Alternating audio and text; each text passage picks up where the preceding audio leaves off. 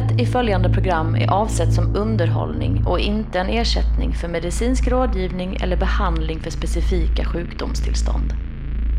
Vid psykisk ohälsa bör du vända dig till en psykiatrisk mottagning eller din vårdcentral för att få hjälp av en läkare eller en psykolog.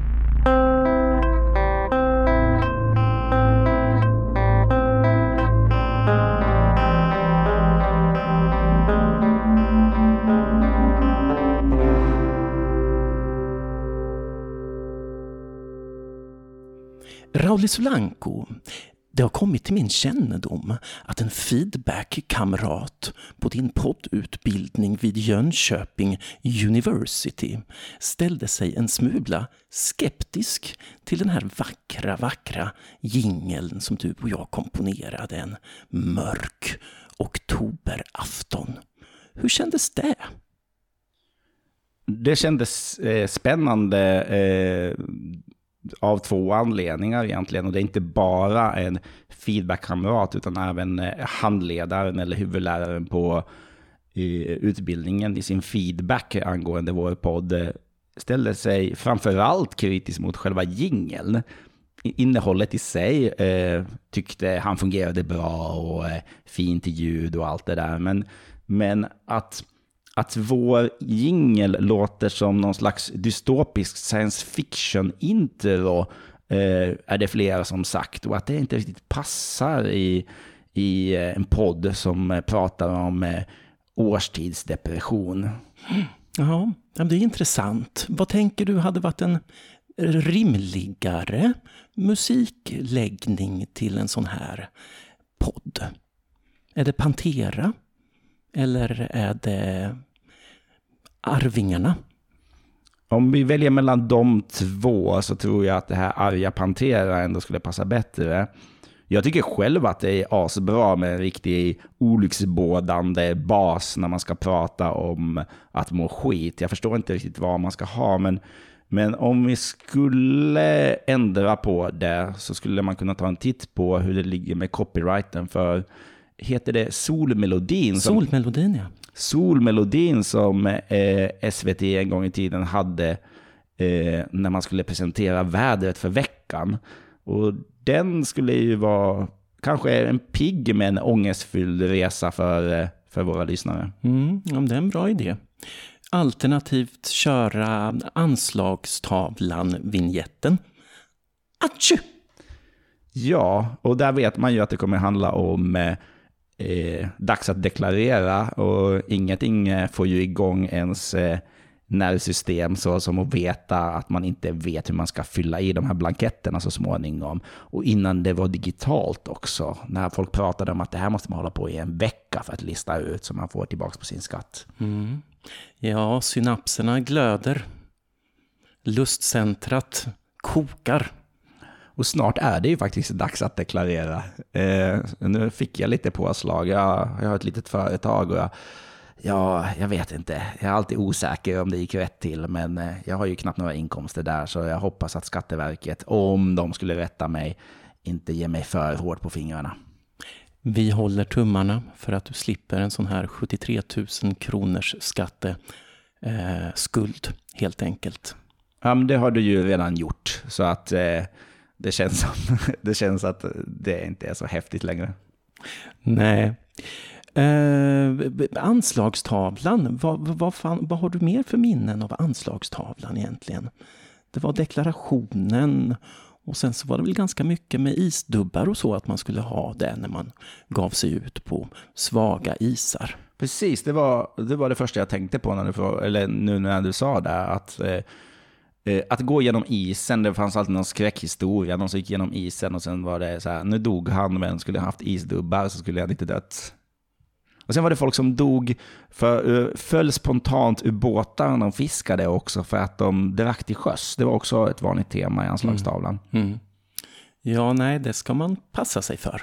Det är spännande liksom att staten valde några sådana här punktgrejer som var liksom viktiga och de var återkommande. Och och jag kan tänka mig så många saker som man skulle kunna informera om från statligt håll. Men det blev, nu ska vi deklarera och vara försiktig på svag is. Mm. Statligt fokus på isdubbar. Mm. det har de släppt ganska mycket nu. Jag har inte... Jag har gett upp det helt och hållet, Ja. Rauli Solanko. Det finns värre saker att ta itu med än att gå, gå genom isen. Ty- Tydligen. Saker och ting förändras i det här jävla skitlandet. Ja, precis. Det, ma- man, man trampar aldrig två gånger i samma skitflod. Så är det, så är det. Vet du vad Johan? Eh, Jag har eh, inför det här avsnittet eh, förberett en sak som jag tänkte bjuda på. Det handlar om att jag har gjort en, en topp tre-lista på eh, hurtiga, duktiga begrepp som jag, ska vi säga, inte gillar. Hur känner du för en sån lista Johan? Jag tycker det låter som en eh, enastående idé faktiskt. Det är eh, en, en så jävla duktig människosyn i de här sakerna att, eh, att jag vet inte riktigt om eh, de här sakerna borde kanske raderas i svenska språket. Jag är idel öra. Men först och främst, Rauli Solanko, vad heter du mer än Rauli? Jag heter också, i andra namn heter jag Lasse. Alltså inte Lars utan Lasse, eh, finskt då. Och sen så heter jag, i, i tredje namn heter jag Tapani. Som är faktiskt vanligare namn i Finland än vad Rauli är. Oj. Rauli Lasse. Rauli Lasse, eller Lasse Tapani, eller vad man skulle kunna välja. Eh, har en kompis som jag träffade nyligen och jag blev så glad över att eh, han hette Lennart i andra namn. För jag tycker att eh, Lasse och Lennart har en klang som man vill ha på en flyttfirma kanske. Lasses och Lennarts firma. Mm, ni kanske ska starta den? Vet du vad jag ska starta nu? Jag ska starta den här eh, sköna listan. Och jag har en bubblare här först. Eh, det är det här med att man brinner för någonting. Och, och det är väl ingen, eh, inga problem med att vara passionerad egentligen, men att man överanvänder sig just det att man, jag, jag brinner för Excel och jag brinner för eh, service och de här bitarna. Och jag känner någonstans att, eh, att använda passion i de här lite banala jobbtermerna eh, känns ju obehagligt. Mm, mm. Jo, vi var ju inne på det i för några avsnitt sedan.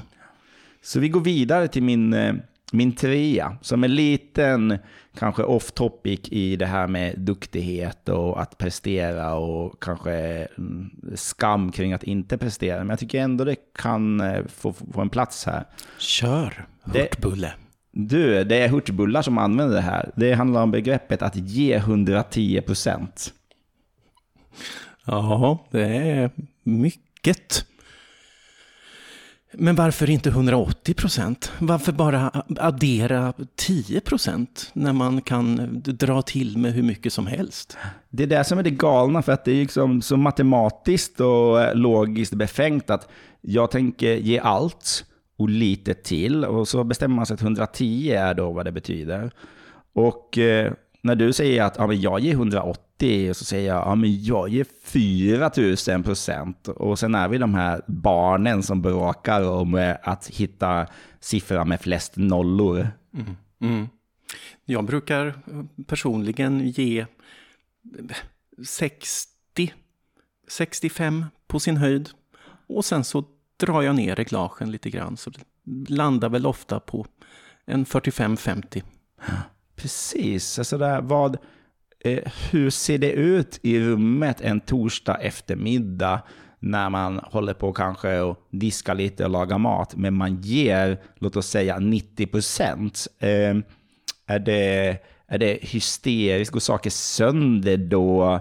Eller är det så att för att göra någonting fullt ut så skulle det vara 100 procent? Ja, och ge 90 procent i matlagningssammanhang skulle väl förmodligen vara att skippa saltet exempelvis. Ja, precis. Ja, men, jag känner inte 100% i den här maten jag äter. Jag känner att du har tagit lite genvägar.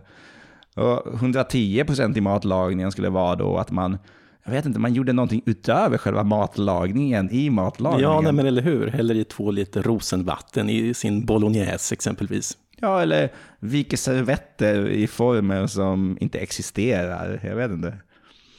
Okej, men det var, min, det var min nummer tre här då. Min nummer två, eh, det är begreppet eh, livspussel. Som jag finner mäkta provocerande. Hur känner du inför begreppet livspussel, Johan? Jo, jag håller ju med dig såklart. Ehm, jag brukar försöka visualisera mitt eget livspussel, hur det ser ut. Och det är inte en tusenbitars historia, det inte. Eh, jag tänker att det är kanske tolv bitar. Eh, ett Bamsepussel kanske med Skalman och Bamse och Lille Skutt som går på cirkus eller någonting. Eh, och ofta brukar jag ha rätt svårt att få ihop de här pusselbitarna i varandra. Har du, hur ser ditt livspussel ut? Ditt lilla livspussel? Ja, eh, jag vet inte vad det är för motiv riktigt. Sådär. Skalman saknas. Nej, men eh, jag tänker mig också att mitt livspussel kanske mer är den här leksaken som jag inte vet riktigt vad det heter. Där man har en låda och sen så har man hål i den som har olika geometriska figurer. Och så, eh, så håller man på där med en rektangel och försöker få in det i rombohålet. Och det är väl kanske det pusslet det känns mer som jag lägger. Och sen så är man jävligt nöjd över att den här, det här klotet ändå gick igenom eh, triangeln av någon anledning. Och good enough då, det skramlar i lådan. Det skramlar i rombhålet. Exakt, så det är ett begrepp som du inte har fått använda tidigare, men nu är det ju vedertaget. Nej, men någonting med livspussel är ju också den här idén att ah, men jag bara får ihop allting, då har jag liksom ett komplett liv. Och jag tänker mig att det är fail där redan. Om livet handlar om att få ihop sitt livspussel istället för att typ leva livet eller uppleva livet, då är det någonting som är riktigt illa.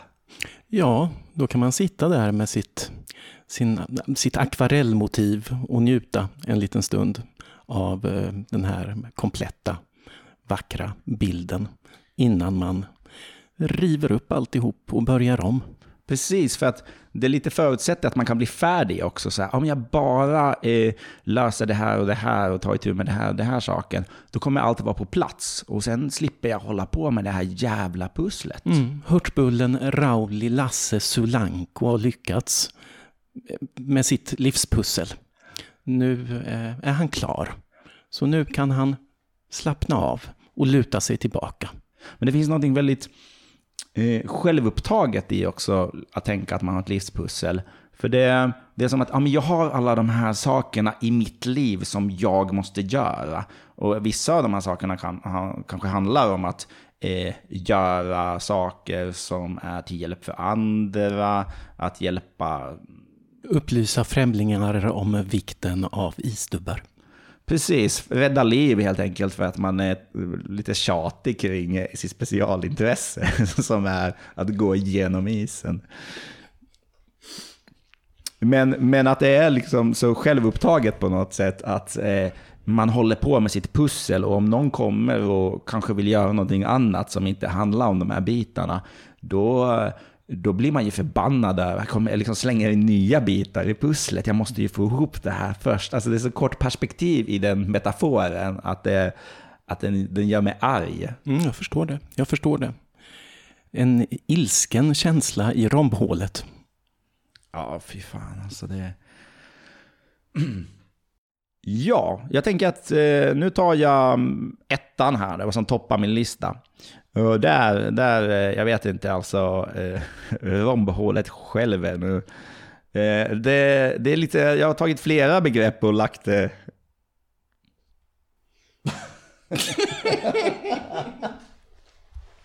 det självande rombhålets hemligheter. det låter så fruktansvärt vulgärt utan att det är det. Eh, ja. Eh, ja. Eh, som nummer ett har jag samlat ihop ett eh, gäng begrepp egentligen som används på samma sätt. Det är, eh, jag kallar det för det är du värd! Utropstecken. Men där finns också alternativet unna dig. Och också den här klassiken eh, när man kanske äter en bakelse eller tar ett glas vitt vin en fin dag på Lilla Torg och lägger det på Instagram. Så skriver folk njut! Utropstecken det känns så galet att, att eh, en bakelse i solen är någonting som man ska unna sig, eller i värsta fall vara värd. Och att någon annan ska liksom bekräfta det, för annars ska man känna skam över att man går den här dekadenta vägen istället för att hålla på med sitt livspussel. Mm, men man kanske behöver eh, sanktionerade eh, biskvier och att det ska helt enkelt uppmuntras av gemene man innan man kan börja smörja sitt lilla pojkkrås.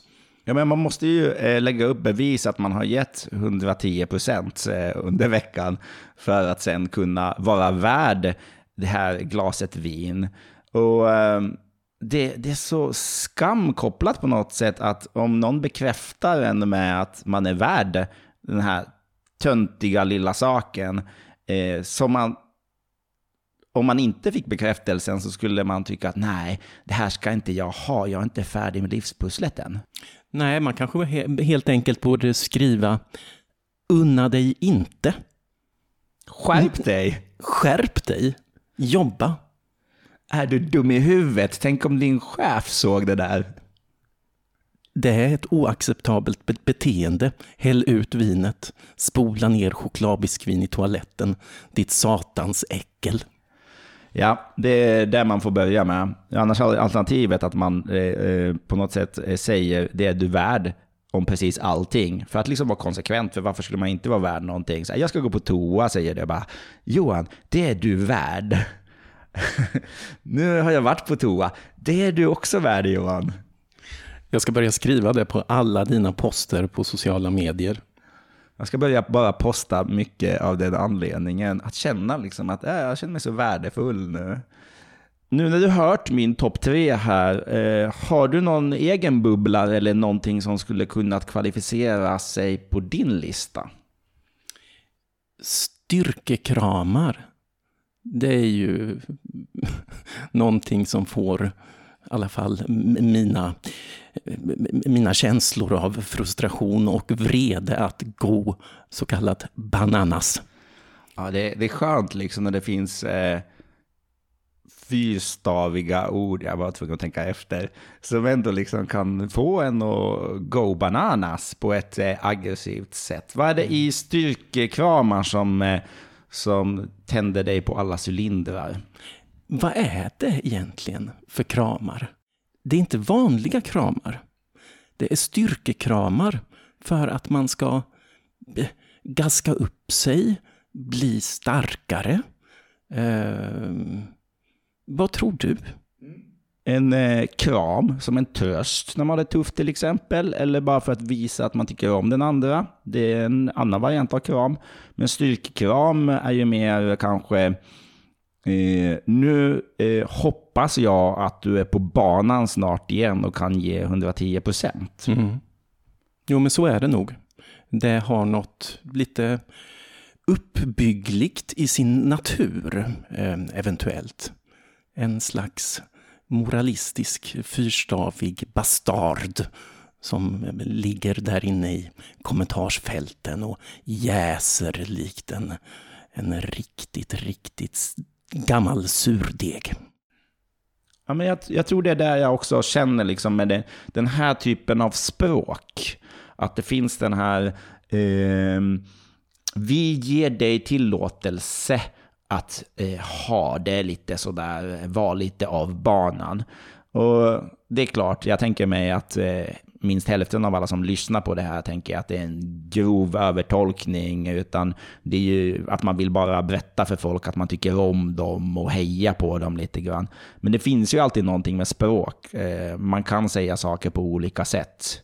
Eh, och den här, den här liksom att man, man relaterar till någon slags synd. Eh, att, att unna sig är ju på något sätt att synda. Det är att synda, det är det. Eh, och det är därför det är så oerhört härligt eh, att unna sig.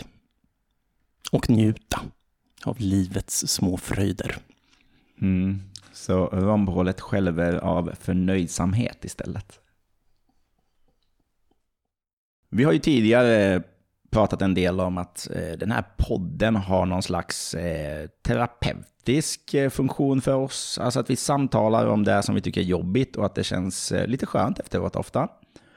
Och sen så eh, tror jag att jag också nämnt att eh, du Johan ofta träffar din psykolog antingen efter att vi har spelat in ett avsnitt eller eh, kanske precis har varit hos din psykolog när vi ska spela in. Sen pratar vi inte om det sådär egentligen, men, men du har nämnt att du aldrig har använt de här gråtservetterna som finns i lokalen. Nej, inte till tårar i varje fall. Uh, nej, jag vet inte. Det har väl inte fallit sig så naturligt för mig att um, plocka upp dem. Um, så. Är, det, är de en underlig fenomen? Eftersom du ändå har liksom gått och funderat på dem när du suttit där flera gånger. Ja, men jag tänker att någon gång kanske jag ska unna mig att ta en och känna den här taktila känslan i händerna eh, Eh, av den här gråtservetten. Men hur är det för dig? Brukar du begagna dig av dessa papperslappar? Nej, jag vet inte. Alltså, man är lite sugen på att eh, typ eh, fejka lite att man får en tår så att de kommer till användning. Så, där, så, så ens eh, terapeut eh, får den varma känslan av att man fått bättre kontakt med en. Men eh, jag vet inte. Jag... Ehm, Sitter du och storbölar så tårarna sprutar när du går i terapi? Nej, men det är det jag inte tror gjort. Jag tänker mig att eh, nu eh, var det ett tag sedan jag gick, eh, träffade någon psykolog på en vårdcentral just där kring att jag tycker det är eh, tufft på vintern, men vi kom inte riktigt någonstans och där så vi avslutade efter tre pass. Ehm, och eh, ja, jag vet inte, jag har väl pratat i sådär sammanhang med någon slags stöd eh, under livet vid flera tillfällen. Och jag har säkert gråtit någon gång, det tror jag. Men, men jag tror att jag, jag har ganska lätt att börja gråta om, om jag blir rörd. Och ofta liksom titta på film eller läsa någonting som blir rörd av. Eller till och med sport, så där man kan bli rörd av någonting i en prestation som man lever sig in i. Skidskytte? Skidskytte skulle vara fullt möjligt om det är riktigt jämnt och man ser att de kämpar hårt och sen så börjar man tänka så här, gud vad hårt de kämpar och sen kan man bli lite rörd av det. Även om, jag vet inte det, hur mycket man investerar i, hur mycket jag investerar i skidskytte. Mm, sådär emotionellt. Men, eh, men jag tror också att jag kan bli rörd över ehm, man kan ju bli rörd över saker i sitt liv också lite. Att man, det är där som kanske skulle vara att jag eh, skulle bli tårögd. Och inte, inte så att jag skulle gråta av att jag är ledsen egentligen. Nej, men jag kan förstå vad du eh, eh, fiskar efter här. Att samtal, det kan slå an en sträng inombords eh, som sätts i gungning så att säga och så plötsligt så sköljer eh, de här känslorna över en. Är det så det mm. fungerar för dig Rauli? Ja, men jag tror att man kommer nära någonting liksom, så kan, det, så, så kan man eh, få en eh, gråtmildkänsla. Och jag tror ju själv att jag är ganska mycket en intellektualiserande person generellt när jag pratar om hur jag har det, hur jag mår. Och jag räknar med att jag också är det om jag går och pratar med någon eh, professionell samtalsterapeut om saker. Jag gillar ju att analysera och filosofera kring grejer och samtidigt kan det vara skönt när man känner liksom att någon överraskar med någonting och säger någonting som man inte tänkt på och sen så slår det an en sträng någonstans. Mm, mm. Hur är det att som psykolog gå i terapi? Liksom, sitter man och märker ord eller liksom anmärker på någons samtalsstrategier? Eller hur fungerar det för dig? Dels så um, är det ju så att jag inte jobbar eller har jobbat eh, inom eh, eh, hälso och sjukvård eftersom jag jobbat inom skola och inte haft eh, terapeutiska samtal med på utbildningen. Sen så har jag ju en bakgrund i och med utbildningen och legitimationen eh, kring det och förståelse för vart den här psykologen är på väg när den ställer de här frågorna. Och den är inte svår att skaka av sig bara och, och eh, liksom spela med eller säga ja, jag vet vart du är på väg eller bara inte tänka på det hur man nu gör det. Men jag vet i alla fall att eh, den gången efter min egen utbildning som jag varit hos en psykolog, då sa jag bara att jag jobbar i skolan, för jag kände liksom att det räcker med om jag tycker det är lite eh, i vägen att jag har gått en eh, psykologutbildning. Sen så vet jag inte om den här personen, den här terapeuten kanske listar ut det ändå. Och man kan ju ha asmycket åsikter om hur man ska hantera det, men samtidigt tänker jag att jag får ju hantera det precis hur jag vill. Det är ju jag som betalar för det och det är ju terapeuten som är den professionella och ska lösa det. Och någonstans övertänka grejer, det är ju onödigt förstås. Men eh, om övertänka är en grej som ställer till det för mig så är det ju kanske det som ska identifieras i samtalet. Mm, mm. Hur tänker du liksom kring det här med att, att vara duktig när man ska få hjälp av någon? Ja, det är ju viktigt att vara duktig eh, när man ska få hjälp av någon. Eh, att sträcka på ryggen och inta en bra eh, eh, eh, position i stolen eh, och vara en god, en god klient. Precis, så man inte gör sin terapeut besviken. Precis, det är därför jag går i terapi exempelvis. Mm. För att helt enkelt eh, smeka en terapeut medhårs. Mm. Och boosta hans ego. Men eh, samtidigt sådär, eh, jag förstår ju att du säger det och sen så menar det till en viss del, att man faktiskt eh, gör det. Liksom. Man försöker vara duktig där. Och... Ja, och föra samtalen i någon begriplig riktning och lo liksom lokalisera brister och rädslor och sorger eh, på ett begripligt och hyfsat pedagogiskt sätt. Så att det inte bara flummar iväg i en känslosoppa. Mm. Jag tror det är superallmängiltigt att många gör så. Alltså att man, eh, jag tänker mig själv att när eh, folk söker någon slags hjälp hos eh, läkare eller psykolog eller vad man än gör, så får man ju ofta ha en peptalk. Förklara sen hur illa det är och gärna överdriv. För att det är en klassiker att man kommer hit så här, ja egentligen är det inte så synd om mig och jag har det ordning på det här egentligen. Och, och det är underligt att man blir den personen. Ja, det är det. det är det. Trots att livspusslet ligger omkullkastat i tamburen. Någon har svalt det sista hörnbiten. Och, mm. Mm. Nej, men jag tänker mig också att det är en maktposition att när man går och pratar med en eh, professionell terapeut så sitter ju den personen i en slags maktposition och förhoppningsvis inte åtminstone liksom tar tolkningsföreträde över ens liv, men ändå att man känner det här att eh, är mina problem värda och eh, tas på så här stort allvar? Och ska inte du ha någon slags motprestation? Så där ska inte jag komma med en tårta till dig nu när du är så snäll och lyssnar på mig? Mm, mm. Ja, nej, den här pusselbiten ska inte sväljas. Det finns en så bra eh, barnbok om Nicke Nyfiken, eh, när Nicke råkar äta upp en pusselbit så att han får bli inlagd på sjukhus och opereras. Eh, och till slut så får de ut den här pusselbiten ur den lilla apans tarmpaket. Och pusslet kan läggas. Eh, Jag funderar på vad egentligen sensmoralen i en sån berättelse? Ja, håll koll på dina livspusselbitar, ditt jon. Håll koll på din apa. och sen så det här med att eh, Nicke faktiskt, någonting så här, ja men de har det så härligt, det är den här eh, kakigubben eh, som, eh, som då tar hand om busiga apan. Men, men apan, jag tror det är väl i första boken som apan blir kidnappad från djungeln.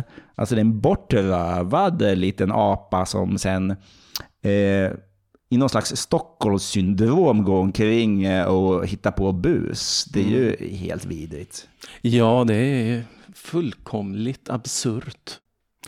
Ja du Rauli Solanko, jag tänker väl ändå kanske att det är dags att steppa ut ur de här litteraturteoretiska analyserna och eh, gå tillbaka till det här ombonade mottagningsrummet eh, och sjunka ner i den fårskinnsklädda Lamino-fåtöljen och titta ut över en stålgrå himmel och ransaka sig själv inför en annan människa som ska hjälpa en. Jag tänker mig att det finns en ambivalens i det här med om man, om man har det tufft i livet, sen kommer någon och säger till en så här, men har du funderat på om du ska gå och prata med någon vuxen om det här? Eh, och då känner i alla fall jag den här ambivalensen att och det är ingen galen idé. Om man skulle säga så här, nej absolut inte, jag har full koll, så förstår man redan där när man säger full koll att man är lite av banan. Och samtidigt också den här, så här ja fast jag vet inte om det är till någon nytta egentligen. Så jag, jag funderar på, om vi nu eh, kanske pratar procenttal här nu också. Eh, Johan, hur Ehm, mm, eh, stor tillit har du till att eh, samtalsterapi eh, gör eh, skillnad eh, när man eh, mår dåligt, så som till exempel det här med den tuffa vintern?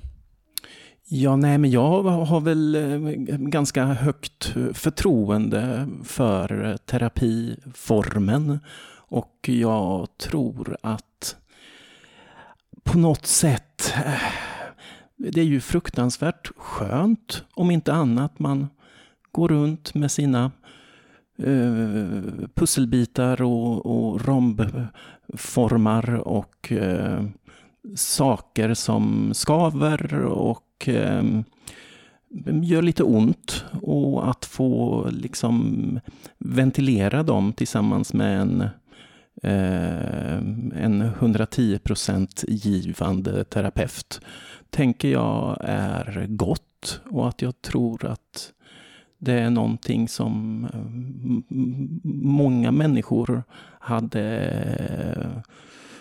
farit eh, gott av, så att säga. Um, vad, vad har du för tankar? Mm. Uh, hjälper det överhuvudtaget eller är det helt meningslöst?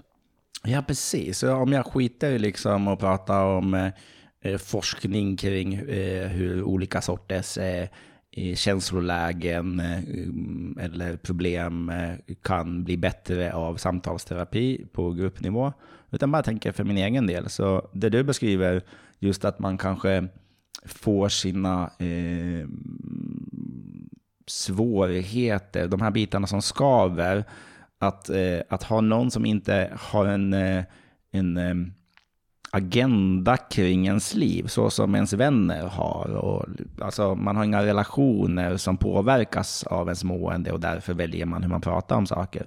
Att ha någon som liksom bara finns där och sen inte finns där och som aldrig vill träffa en utanför de här sammanhangen. Om den personen då på något sätt bekräftar att ah, men du, de här sakerna, det du säger, det låter rimligt. Alltså den effekten tänker jag mig kan ju behövas om man inte kan få den känslan någon annanstans. Men jag vet inte, jag är lite sådär mats kring eh, att eh, det handlar om eh, att lösa saker. Alltså att jag får den, det behöver inte alls vara så, men jag får den upplevelsen av att ja, det handlar om att lösa någonting. Medan jag vill hantera. Och eh, det kanske är svårt att hjälpa någon hantera saker om man inte liksom ser dens liv när den händer. Mm, mm.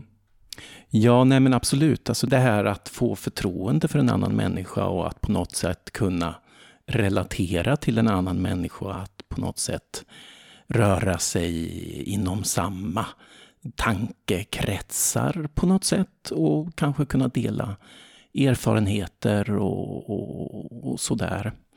Mm. Eller kanske till och med någon som rör sig så långt ifrån ens tankekretsar och erfarenheter och att det därför är givande. För det kan jag också tänka mig, att någon kommer från ett helt annat håll och tittar på ens eh, grubblerier och ens beteenden. Och det kan ju kanske väcka någonting också. Ja, såklart. såklart. Jag kan väl sådär lite uppleva att jag har blivit lite kompis eh, med min terapeut. Du har liksom luckrat upp din terapeut kan man säga. Det skulle man lugnt kunna säga. Mm. Du vet vad Johan, nu ser jag att klockan är så pass mycket så att du måste snart skynda dig iväg för att fortsätta bearbeta din terapeut här. Så jag tror nästan att vi måste avrunda här. Ja, ja, det har blivit dags. Och dra ner de här rullgardinerna och krypa upp i dunbolstren och klippa av sladdarna till brandvarnarna och låta värmeljusen stå och brinna här på bordet. Medan eh, du då skyndar vidare för att eh, ställa intima personliga frågor till din terapeut och försöka återta maktbalansen i samtalet. Med en liten pusselbit i min mage.